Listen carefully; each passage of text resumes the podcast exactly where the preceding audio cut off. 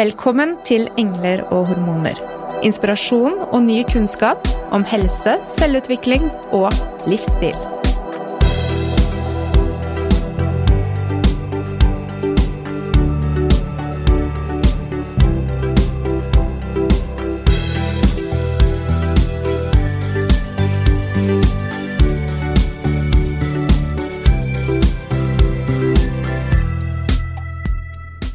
Intuitivt så kjenner jeg straks på en type frykt for digitale medier når det gjelder egne barn. Mobbing, skjønnhetsidealer og popularitetshierarki på sosiale medier. Non-stop strømmetjenester, en 24-7-tilgang på barne-TV, uvisshet omkring optimal mengde skjermtid, og ikke minst skammen rundt fristelsen til en barnevakt for et øyeblikks hvile. Nettbrett i undervisningen, nettbrett hjemme, smarttelefoner og gaming, hva fører egentlig dette til? Blir barna våre passive deltakere i eget liv, som glemmer fantasi, utforskenhet og klatre i trær? Blir evnen til å kunne underholde seg selv uten skjerm gradvis borte? Øker mobbingen i takt med den digitale utviklingen? I denne episoden ønsker vi å få svar på noen av disse spørsmålene, som jeg tror at foreldre gjengs over er nysgjerrig på, og ikke minst engstelig for å stille eller få svarene på. Hva er det vi som foreldre kan gjøre for å henge med i svingene når det gjelder den digitale utviklingen, og hvordan kan vi være det filteret som barna våre trenger for å opprettholde sunt og bærekraftig nettvett? Med oss i studio i dag så har vi barne- og ungdomspsykiater Melanie Eckholt. Hjertelig velkommen! Tusen takk. Du har jo en særlig interesse for de lyse og ikke minst de mørke sidene ved den digitale, ved den digitale verden og the world wide web. Yes. Ja. Mhm. Hvordan startet din interesse for den digitale verden, Melanie? Det husker jeg veldig godt, for det var i 2010. Det var når iPaden kom til verden. Og da var min eh, minste sønn, han var da to år, og min eldste sønn, han var da ti år.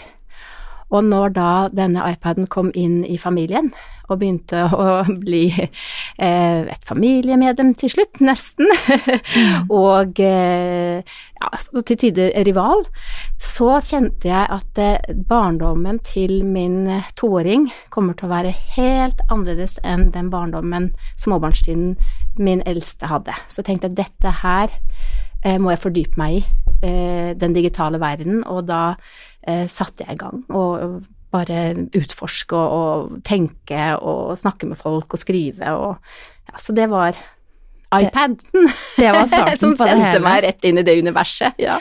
For hvordan er det du jobber med dette her i dag? Ehm, nå er jo den der hele tiden, da, den, eh, ikke iPaden, men den smarte telefonen vår, den er jo der hele tiden, sånn at det akkurat per i dag så er det jo sånn at uh, i alle samtaler jeg har nesten, eller mange samtaler jeg har, så uh, er den uh, digitale verden med i samtalen. Det kan være alt fra at jeg snakker med unge gutter som har vært eh, lost in space der i, i flere år, og har eh, gamet eh, og mista seg sjøl der, eh, til at jeg kan snakke med pensjonister eh, som forteller om gleden med å kommunisere digitalt med barnebarna sine, helt intuitivt, til andre som viser meg um, skremmende ord som blir sendt eh, via smarttelefon, da, eh, og eh, mm, hvor det gir en smerte, da, smertefulle ord som blir sendt. Så det er, den er der hele tiden. Mm. Og bare Mm. til eh, nå, vi har Mm. ikke kjent hverandre så lenge, vi har nettopp møttes, Mhm. men det er litt morsomt å se på de eh, minuttene vi har tatt sammen her før vi startet opptaket, for vi har faktisk vært ganske mye på skjerm. Ja. På ulike måter. Mm. Både arrangementer og blitt venner og eh, sendt meldinger. Og det er jo en naturlig del av hverdagen vår, for vi gjør det ved siden av det at vi nettopp møttes. Og Jeg tror, jeg vet ikke om noen av dere oppfattet det som vi var fraværende for hverandre, men uh, vi, vi, gjorde jo det. Vi var her sammen med skjermen eh, i noen minutter. Ja, jeg følte at jeg var ganske sånn connecta med Ja, jeg så deres eh, Instagram og de gjestene som var i fjor, og så så jeg noen bilder av dere, og så, jeg føler det var en connection allerede før vi hadde møttes fysisk. Mm. Så ja, nettopp. Der har du kjernen mm. i det som kanskje er nytt akkurat nå, da. Som det jeg tror er som Det er jo det barna rapporterer, er jo at det faktisk de føler seg enda fjernere nå fra, fra foreldrene enn før. Mm. Og jeg tror den største årsaken er tanken, ideen om at det finnes en digital verden og en fysisk verden. For det så lenge man tenker at det er et skarpt skille der, mm. øh, og så er det jo ikke det. Det er Nei. ikke der lenger. Så hvis man snakker som om det skarpe skillet er der, ja og det ikke er der, så blir det veldig mye frustrasjon. I hvert fall for barna. Mm. Så det tenker jeg det er egentlig det største som har skjedd nå eh, eh, siden 2010, er egentlig da smarttelefonen. Det er jo ikke iPad, det er smarttelefonen som er der hele tiden, mm. og derfor er ikke skillet der lenger heller mellom mm. den digitale verden og fysisk verden. Så det er viktig å være bevisst på det. Eh, pluss fristelsene. ikke sant. Og det er jo Kanskje derfor denne samtalen blir en litt en annen samtale, fordi vi skal mm. ikke bare fokusere på dette med skjermtid, Nei. men innholdet mm. i tiden på skjerm. Og hvordan vi som foreldre og mm. voksne mm. kan både lære oss for egen del å bruke det bedre, men mm. også hvordan vi kan være gode rollemodeller mm. for neste generasjon. Og hvordan samtale med barna sine om det. Ja. ja. For det er jo sånn vi, når vi hadde en kjapp samtale mm. før, før, jul, Melanie, så mm. nevnte du at denne digitale kløften er større nå enn for ti år siden. Mm. År, ti år siden. Mm. Og det hadde vi jo kanskje ikke sett for oss at den Nei, skulle være? Det spørs jo helt hva man mener med digital kløft. For først så var det snakk om det var de, alle de barna som ikke hadde tilgang til internett, som ikke hadde tilgang til uh, disse digitale duppedittene. Det var det som var den største bekymringen. Og nå er ikke det bekymringen lenger. Nå er heller bekymringen uh, en gap i forhold til konteksten, livssituasjonen til eh, barn og unge. Gjør en kjempestor forskjell for hvor mye foreldrene kan være filter for dem. Ikke sant? Så det, det, det, det, er bare i forhold til begrepet, det er viktig å eh, være bevisst på at det kan være, bety to ting. Men eh, eh, Og grunnen til at jeg har vært opptatt av det, er at jeg har jo snakket med barn og unge i det siste. Eh, og de beskriver nesten en sånn smertefull opplevelse av å ikke bli forstått av mm. foreldregenerasjonen. Fordi det er jo så stor forskjell mellom å være barn og ung nå i dag og før. At det, er, det blir rett og slett en smertefull forskjell. Og det som vi foreldre er mm. ganske, hva skal jeg si, fokusert på, da, mm. det er antall timer med skjerm, hva er det som er anbefalt, hva er det vi skal gjøre? Mm. Så kan vi ta det litt kjapt. Er det en anbefaling mm. for barn i ulik alder når det kommer til antall timer skjerm hver dag? Ja, det finnes en sånn World Health Organization-anbefaling, eh, og den er veldig interessant. Den har gått veldig for barn under seks år, og den har jeg gått nøye gjennom. Og det som er spennende, er at eh, der er det en ekspertgruppe som har kommet med konkrete råd. Eh, basert kun på deres råd og ikke basert på forskning. Det vil si at de har selv sagt det finnes ikke nok forskning for barn mellom 0 til 6 år, men vi som eksperter har valgt å komme med råd om eh, minimal med skjerm før 18 måneder. Og det i seg selv sier noe om eh, frykten. Eh, mm. Fordi i utgangspunktet så jobber jo ikke World Health Organization uten dokumentasjon, uten forskning, men her har de gjort det, og det er fint, de har vært ærlige på det. Men den lille forskningen de har gjort, eh, er eh, som de har, skulle gjort mer av, tenker jeg, det var jo å snakke med de det gjelder. Snakke med småbarnsforeldre om funker disse rådene for dere. Eh, snakke med lærere, snakke med Prøve å snakke med fem-seksåringer. Og, og, gjøre mer en kvalitativ type undersøkelse, og så komme med råd. Mm. Sånn at jeg vil ikke lenger komme med den type råd, fordi jeg Der har jeg gjort en endring. Jeg har holdt på med det i syv år, å gi råd. Jeg gjør ikke det lenger nå mm. om skjermtid. Jeg, skjermtid, jeg har endret meg.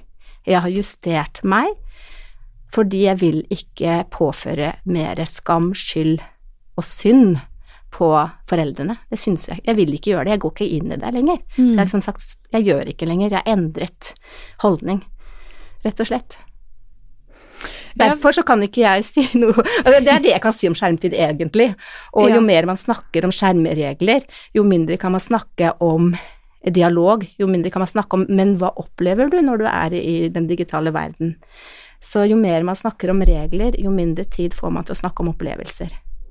Og det er jo så stort, Mhm. hele tematikken, og du har din profesjon, og Mm. vi kommer fra muskel-skjelett-siden, Mm. og eh, vi hadde en fagdag nå for ikke så lenge siden der det ble gått gjennom eh, negative konsekvenser med Mm. å sitte mye på skjerm. Mm. Eh, og der eh, går det både på konsentrasjonsevne og motorisk utvikling.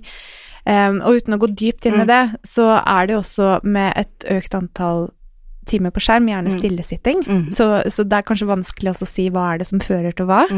Um, og det er jo også noe læring i det, som uh, en pedagog kanskje kunne fortalt oss mer om. Men uh, nettopp det det går inn i der med å påføre seg selv skam Mm. og skyld, Mm. Der eh, er det jo veldig mange som sitter og har dårlig samvittighet fordi at de bruker skjerm i hverdagen.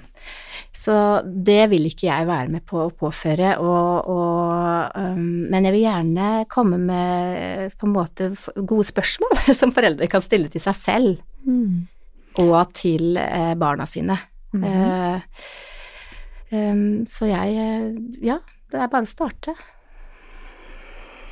For eksempel, dere har jo barn selv. det, det som er litt interessant, er sånn eh, Ikke sant, eh, Ingvild, du er et virker sånn småbarnsmamma, har ett barn og liksom rett, akkurat oppdaga den verden, Mm. ikke sant, den babyverden. Eh, Det er jo en spesiell livssituasjon, helt unik livssituasjon, ikke sant. Så det kan forestille meg at da har dine vaner skjermvanene endret seg betydelig, forestiller jeg meg nå, hvis du skulle sett for ett år tilbake, hvis du sammenligner, og vi skulle sett hva du gjør i løpet av én dag, så tenker jeg i forhold til skjermbruk, så tenker jeg at det har endret seg ganske betydelig, forestiller jeg meg i mitt hode.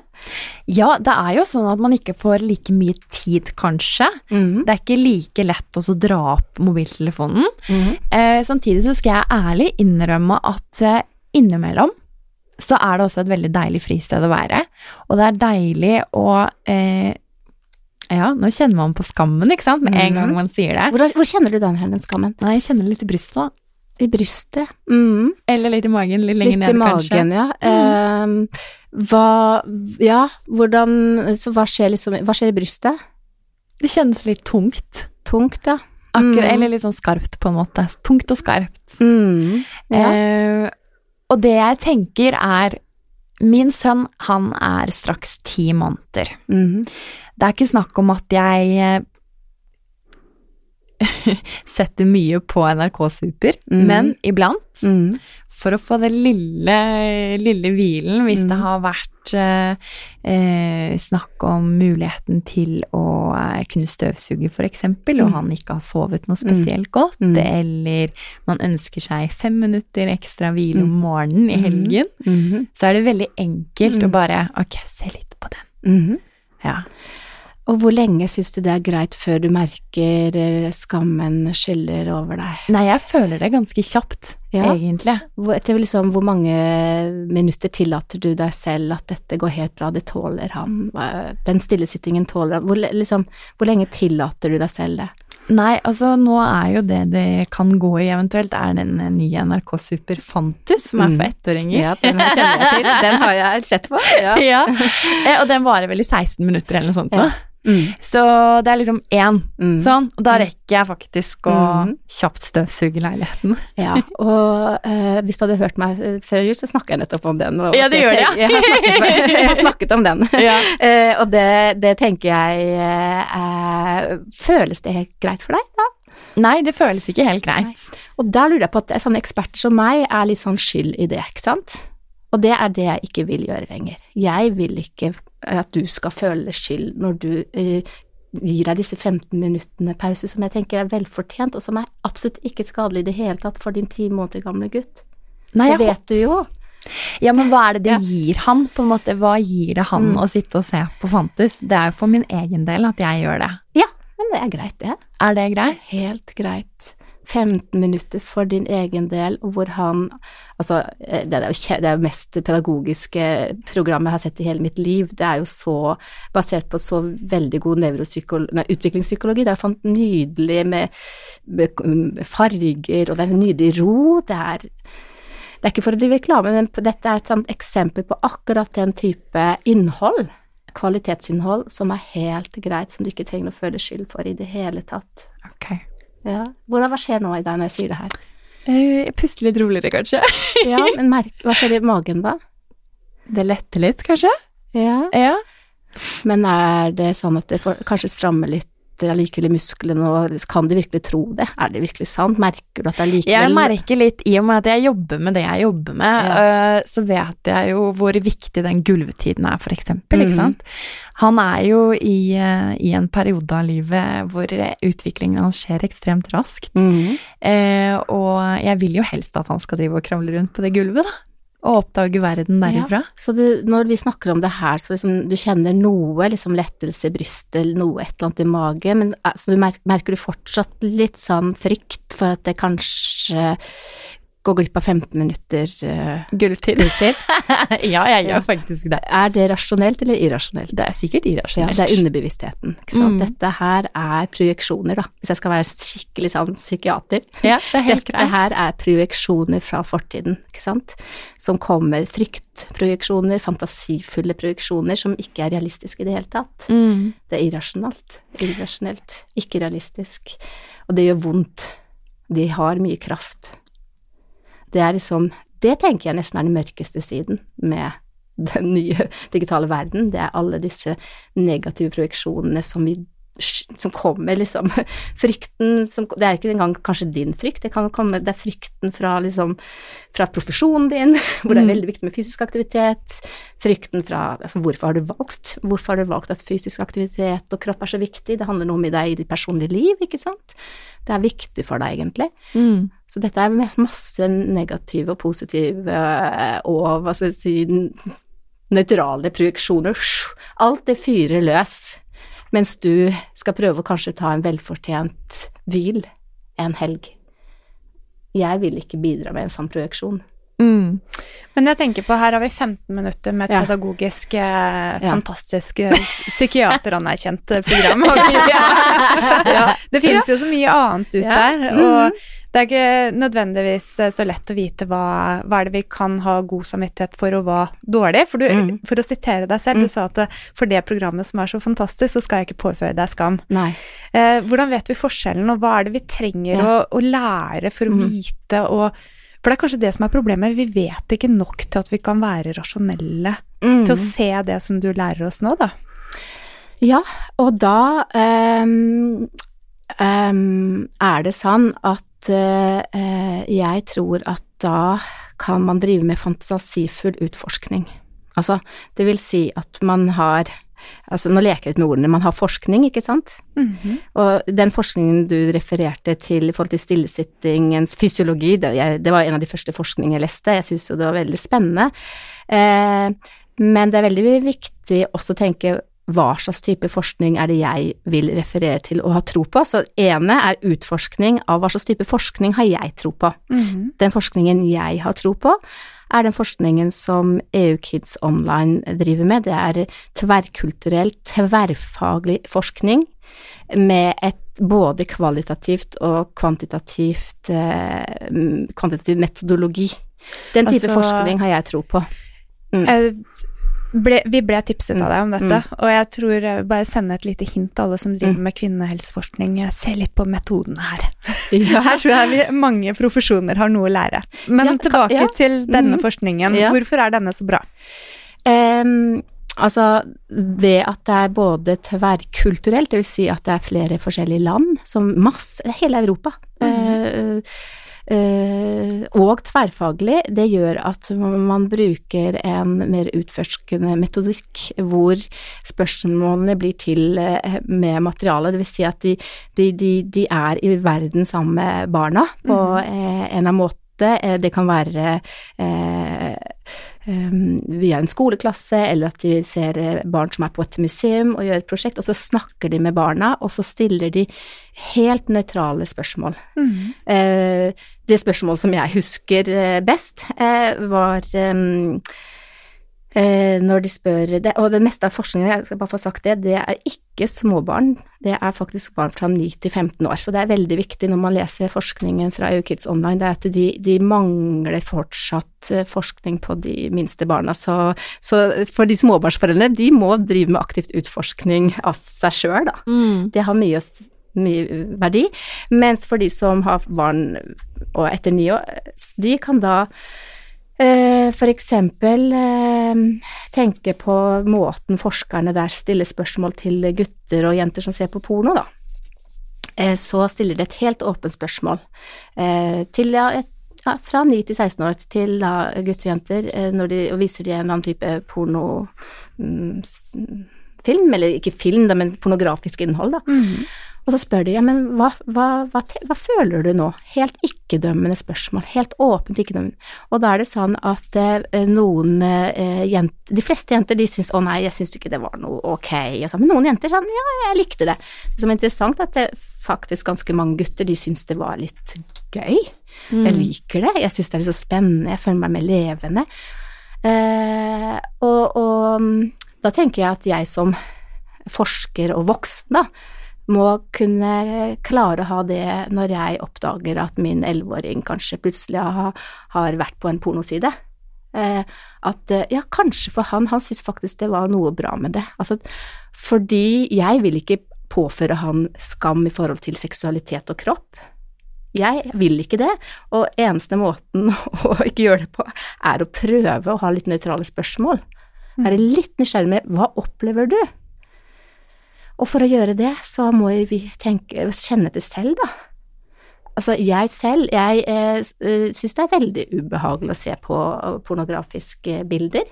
Jeg har veldig, veldig lavt toleransevindu for når er det kroppen min der begynner å liksom bare Uff, nei, dette likte jeg ikke, dette vil jeg ikke. Så trekker jeg meg unna, og så er jeg mm. beskytta av det selv. Mens eh, andre vil jo bare synes det er veldig spennende og nysgjerrig og vil gå inn i det. Så der er vi jo forskjellige. Vi er ulike, og da tenker jeg det er kjempefint at du startet med det eksempelet, egentlig, mm for det tror jeg at eh, mange eh, kan reagere spontant på mm. på en eller annen måte. Mm. Men mye av det som skjer på, i den digitale verden for ungdommer, -hmm. er jo ukjent for oss voksne. Ja. Altså, de gjør mye forskjellige ting, og det mm. er eh, eh, også veldig annerledes vaner når det gjelder hva de bruker tiden på. Ja. Men det å kunne være nøytral og stille spørsmål er kanskje like viktig allikevel. Uansett om det er pornografi eller om det er eh, Minecraft ja. eller mm. gaming. Mm. Fordi at mm.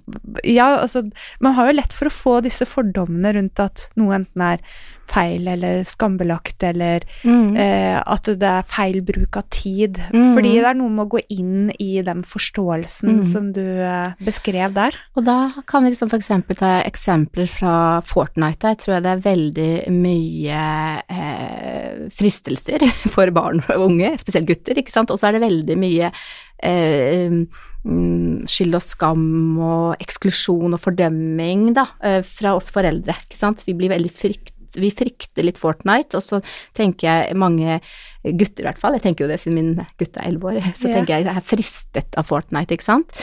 Og vi snakka, ikke sant, men hva hvis eh, Det er jo på skjerm, men hva hvis eh, da eh, barna gjør en aktivitet som vi foreldre gjorde selv når vi var barn, for eksempel sjakk. Ja. Hva skjer da? Er det Hvis vi ser den forskjellen, da, sjakk online versus Fortnite online, mm -hmm. vil, vil, man da kunne kjenne forskjellige følelser i forhold til skam og skyld og synd, tenker du? Når du spør ja. meg direkte, ja. nå kommer jeg fra en sjakkfamilie, så ja. der er det ikke tvil om at det er eh, sett på som en fornuftig aktivitet på nett. Ja, og hva, eh, hva, Hvordan kjenner du det i kroppen din, at det, ja, dette er fornuftig, dette, liksom, når du ser barna dine gjøre det? Hva, hva, hva skjer da i deg? Da? Liksom, hva Det er eh, en aktivitet som ikke jeg personlig er så engasjert i, for jeg kan ikke så mye om sjakk som min kjære mann. Mm -hmm. Men han er veldig engasjert, og i det rommet som da to av de eldste barna mm -hmm. er engasjert i det samme, mm -hmm. så ser jeg at de har mye samvær, og de mhm. bruker det for å lære. Eh, og så syns jeg det er litt morsomt at jeg sett igjen i matematikk, eksempel. Ja. Og hvordan de jobber med statistikk og diagrammer. Mm. At de intuitivt mm. sammenligner enkeltelementer og drar det over i mm. læring på andre arenaer. Og det er mm. fascinerende. Mm.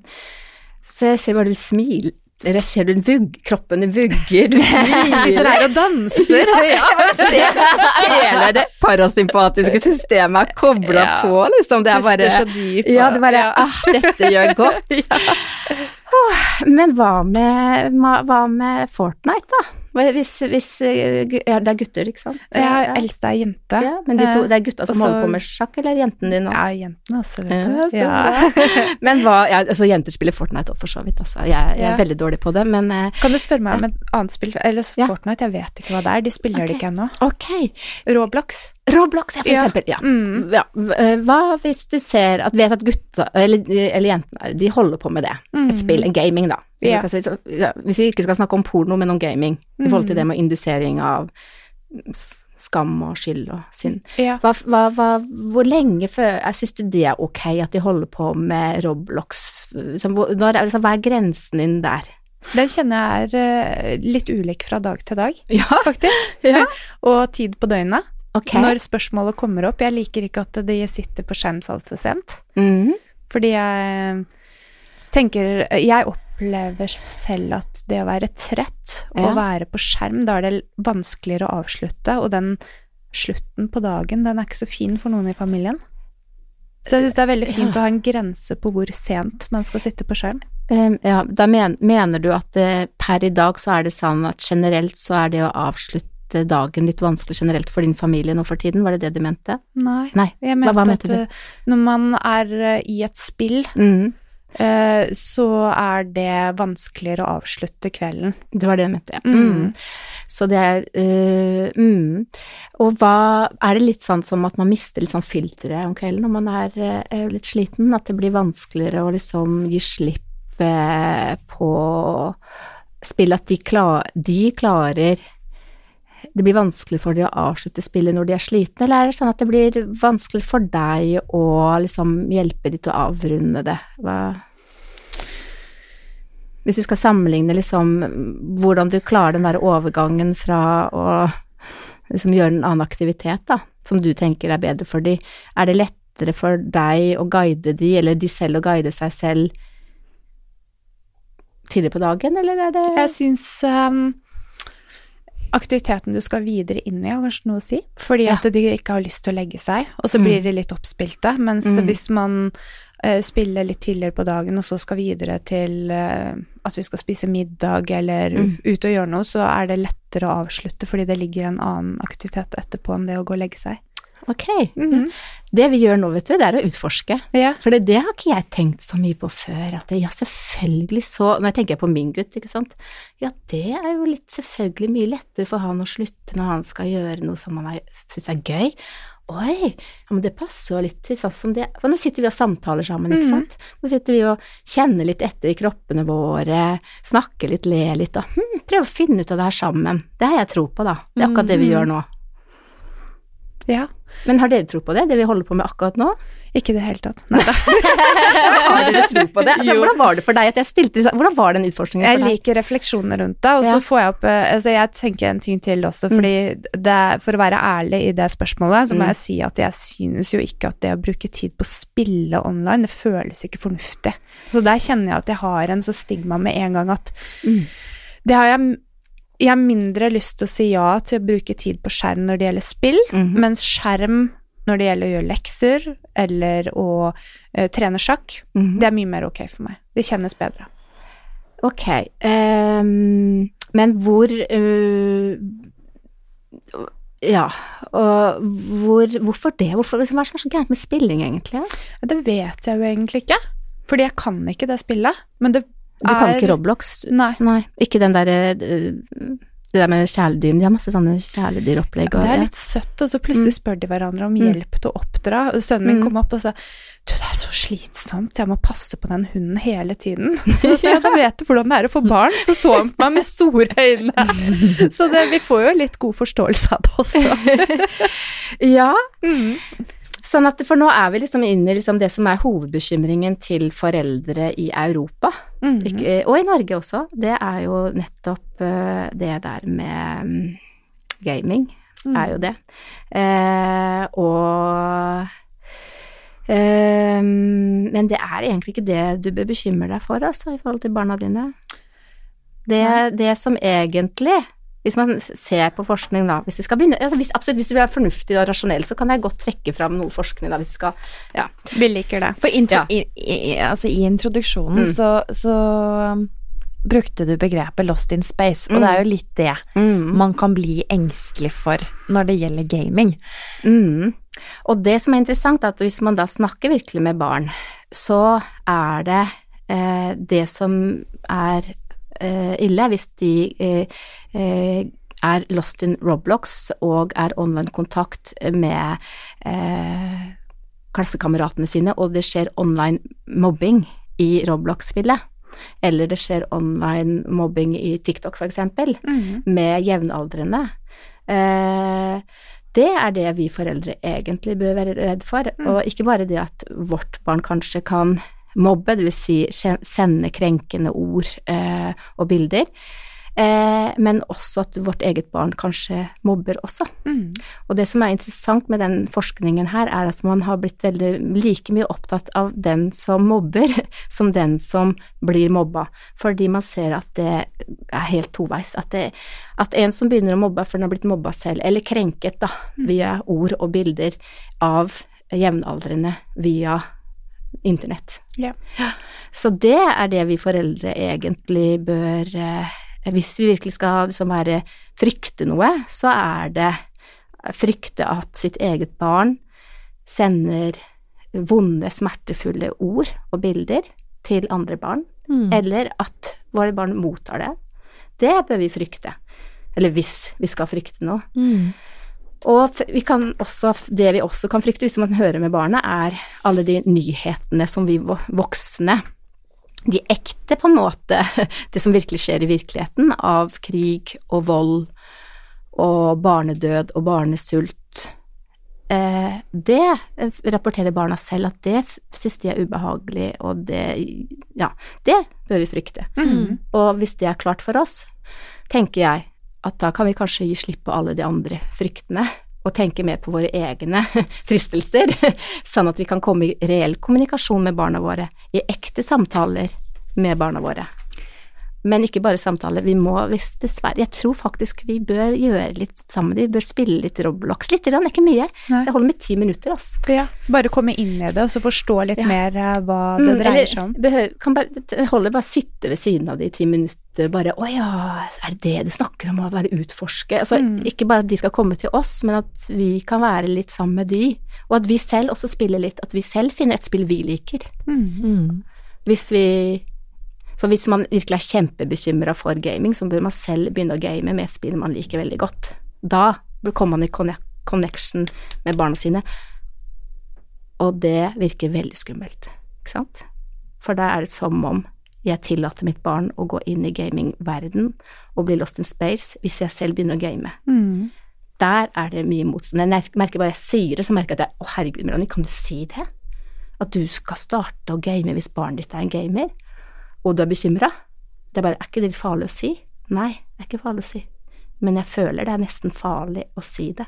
Hvor kjenner du det, Melanie? Jeg bare kjenner det Ja, jeg kjenner liksom Det strammer seg her i strupen. hvordan kan du si det? Det strammer seg skikkelig. Nei, Melanie, ta det tilbake. Svelg det ned igjen. Du kan ikke si at hvis du selv har en barn som gamer for mye, at du selv skal begynne å game med et gaming game som du liker kjempegodt, som du kan bli skikkelig hekta på. Ah, ikke si det, ikke si det! Så det er skikkelig Det er et eller annet som drar meg ned, som, men jeg tror at eh, når jeg har snakket med ungdommer da, som har vært Austin Space, så er det jo den derre smerten med at de voksne har ikke vært nysgjerrige engang. Ja. Hvor, hvorfor de har Hva er det som er så spennende med det verden, mm. ikke sant? For den forskningen som du mm. refererer til, der uh, står det vel at 80% av foreldre er interessert i hva barna gjør. Ja. Vil vite, da, hva mm -hmm. er det barna gjør i mm -hmm. den digitale verden. Mm -hmm. Omtrent én av ti er med og er inkludert i den digitale verden. Mm. Så det sier jo litt grann mm. igjen om det, ja. akkurat, det du akkurat har snakket om, Melanie, om den digitale kløften. Ja. Og at vi som mm. foreldre mm. må ta en større del i mm. deres liv der, ja. for at de føler seg mer forstått. Ja, så det er ikke bare det å eh, på en måte snakke med barna, men vi må også spille med barna, da.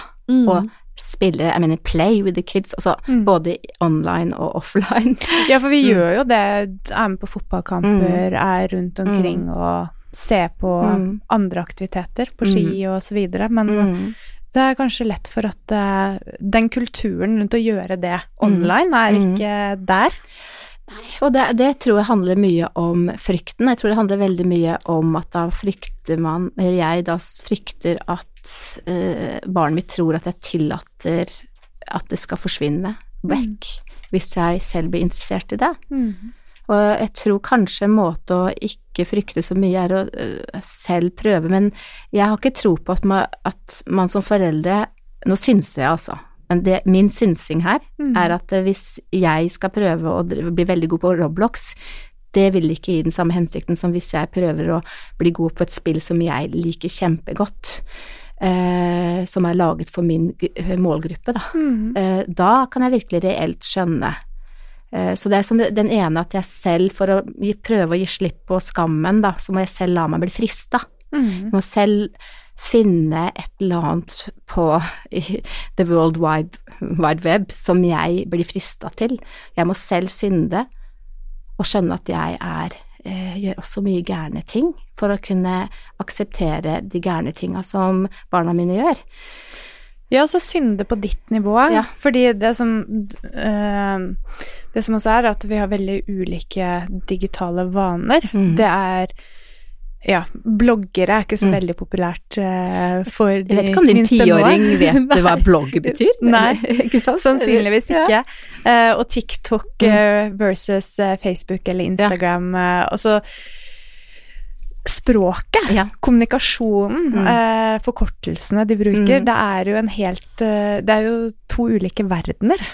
Det er det, og mm. da bare være Det du sier der er kjempeviktig, bare, bare være bevisst på at det, eh, kanskje de ordene jeg bruker, eh, kjenner, kjenner, ikke barna mine noe av. Poste, hva skal jeg si, på Facebook, det er ingen av mine barn som gidder å gjøre det.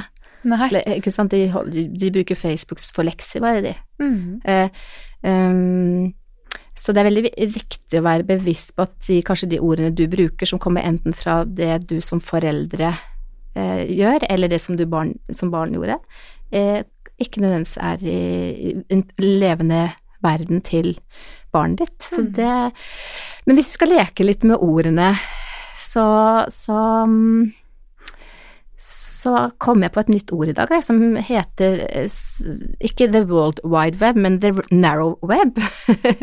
Fantastisk, ikke sant? Ja. ja.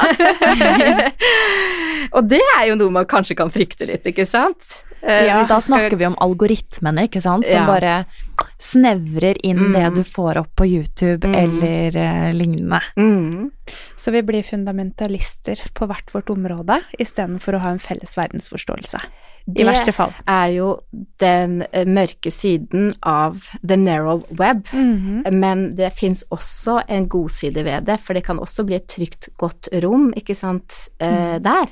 Så alt spørs på det kan være helt greit å finne sin klynge eller sin, sin flokk, mm. eh, men det spørs jo hva, hva holder man på med i den, i, det, i den flokken. Det, man kan tillate seg å ha sånne litt sånn lukkede rom, det er helt greit, men hvis man da Det spørs helt hva man gjør i det. Så det, mm. der igjen må man gå inn i, i i innholdet. Jeg vil igjen ikke gå inn og si at det alt er negativt, ikke sant. Mm -hmm. Den første ideen du får, er jo ikke sant, om hva som kan skje i verden. Jeg er full av frykt. Ja, ikke sant. Du bare Det var det eksempelet du fikk. Ja. Men eh, kunne vært mulig å funnet noen eksempler på det som har gått med algoritmer, da. Det som er eh, fint ved at eh, du får inn det du liker på feeden din? Hva er det som er, og, som er algoritmen? Er det noe fint med det? For meg så er det faglig utvikling. Det har jo mm. hatt en rivende altså endring over de siste årene. Mm. Eh, at man kommer i kontakt med fagpersoner rundt om i hele verden og mm. får konkret informasjon på det man er mest interessert i selv. Mm -hmm. mm, så Du får en fordypning? Ja, det vil jeg si. Og en uh, og inspirasjon. Ja, og hva handler det om at det var ikke det bildet som kom når du snakka om det her i stad?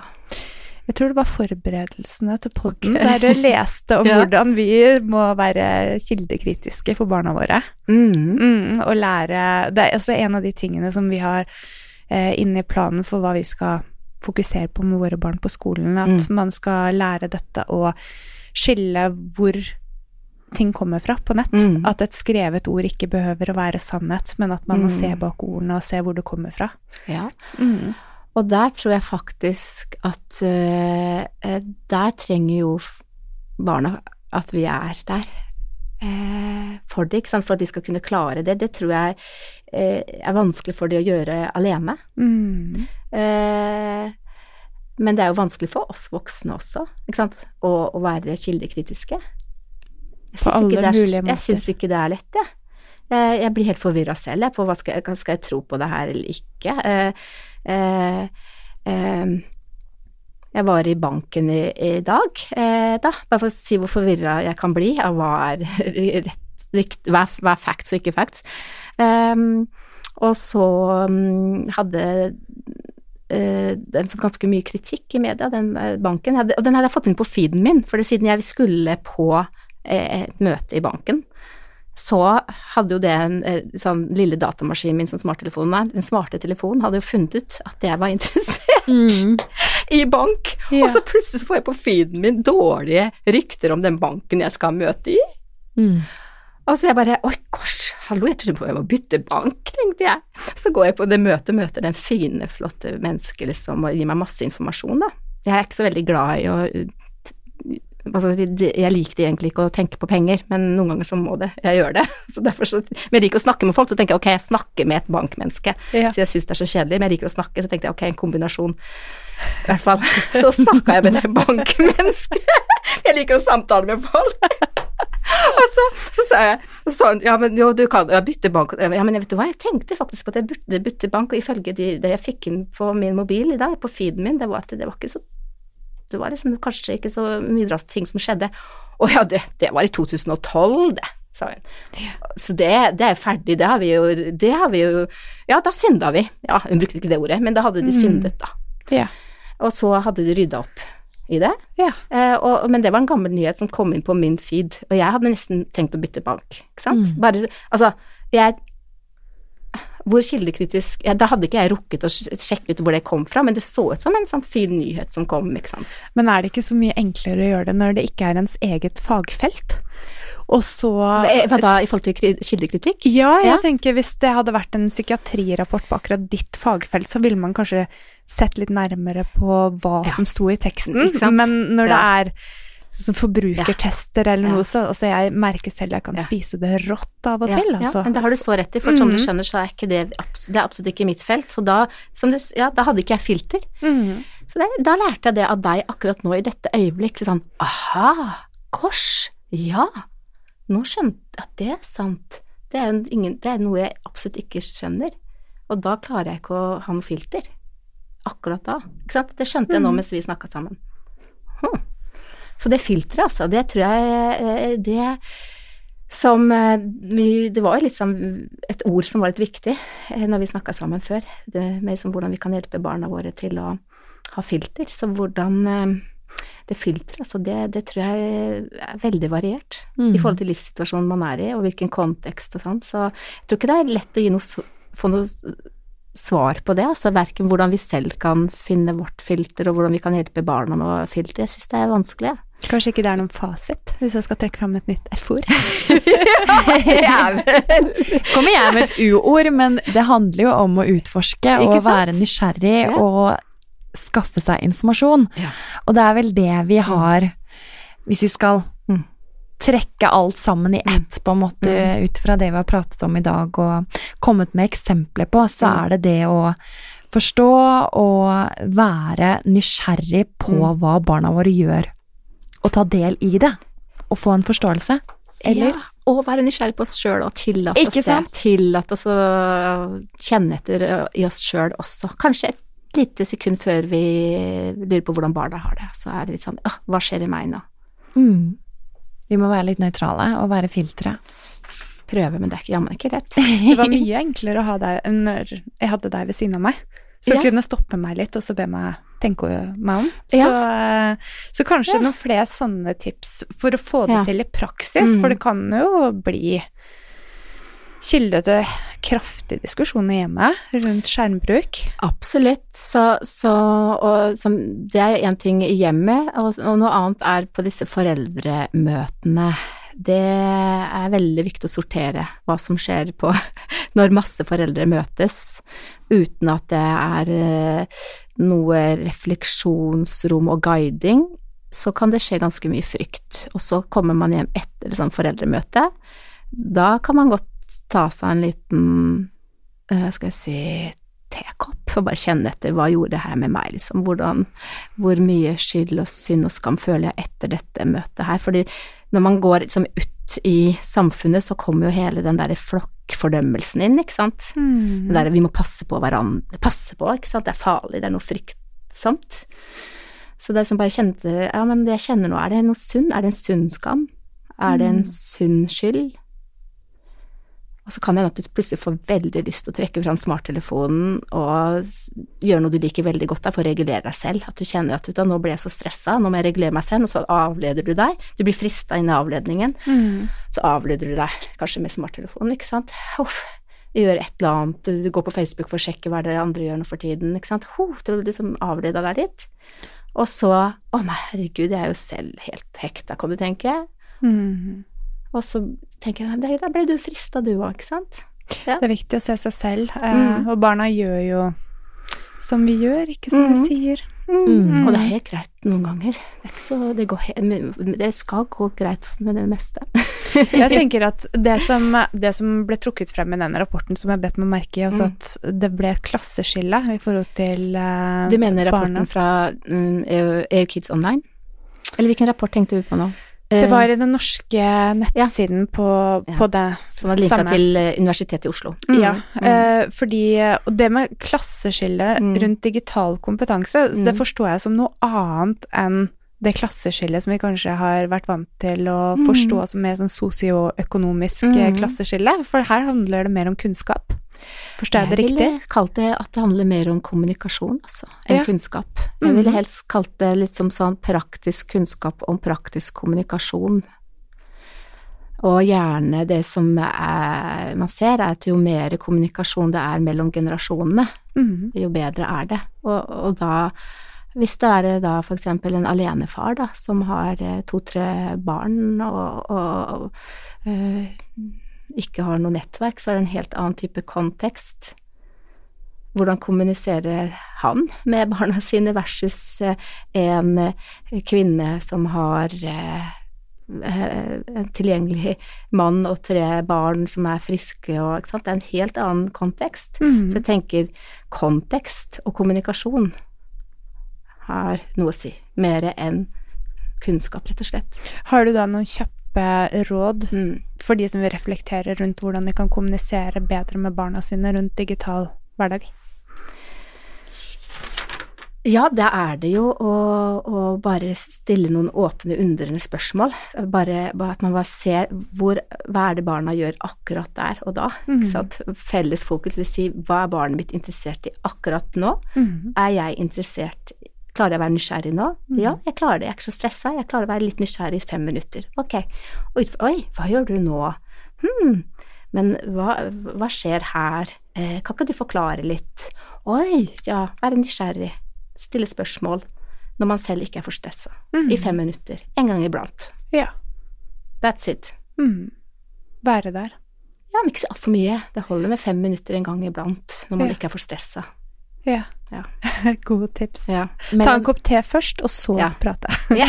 ja. Jeg ble litt nysgjerrig på um, det du kom inn på i stad når det gjelder disse foreldremøtene Mm. og alt det det kan påføre. Mm.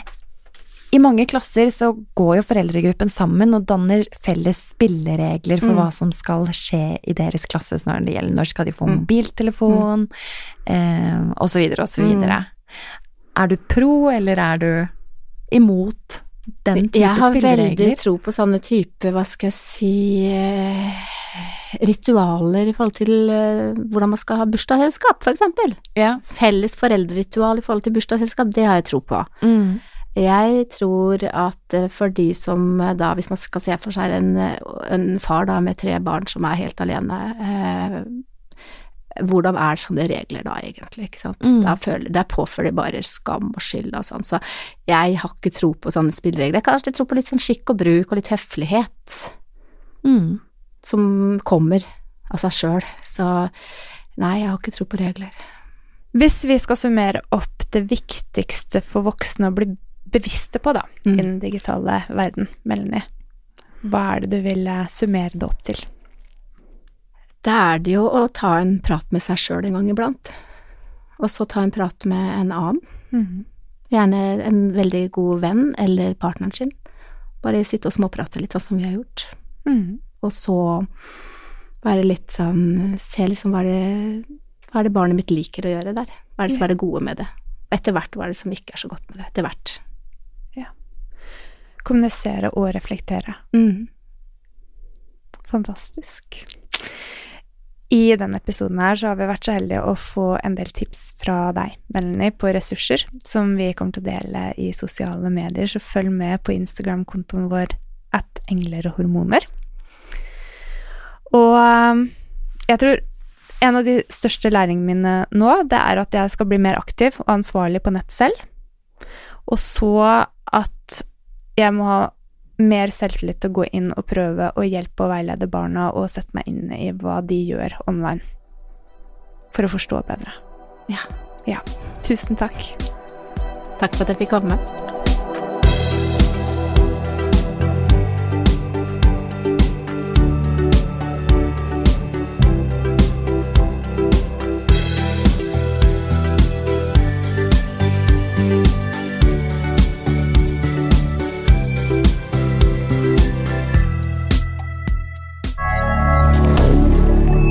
Media.